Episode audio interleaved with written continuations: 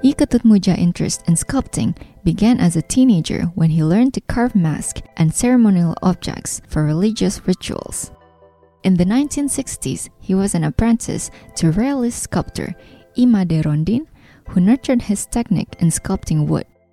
Muja gained recognition as one of the leading Balinese sculptors in the 1970s for his depiction of Hanuman.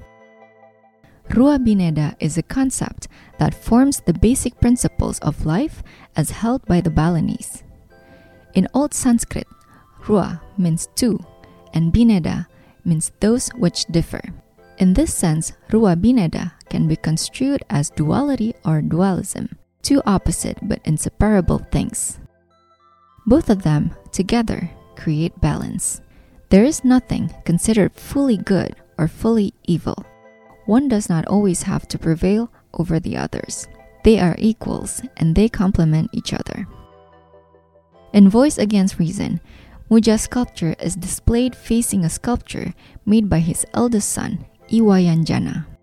According to Jana, his father's highly expressive carvings served to record his emotional conditions and his thoughts, as inspired by his personal experiences.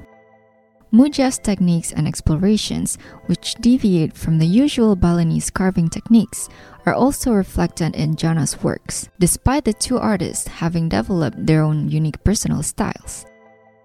Much like the philosophy of Rwa Bhineda, father and son appear together in this exhibition space, none better than the other, as they are, not as they should be.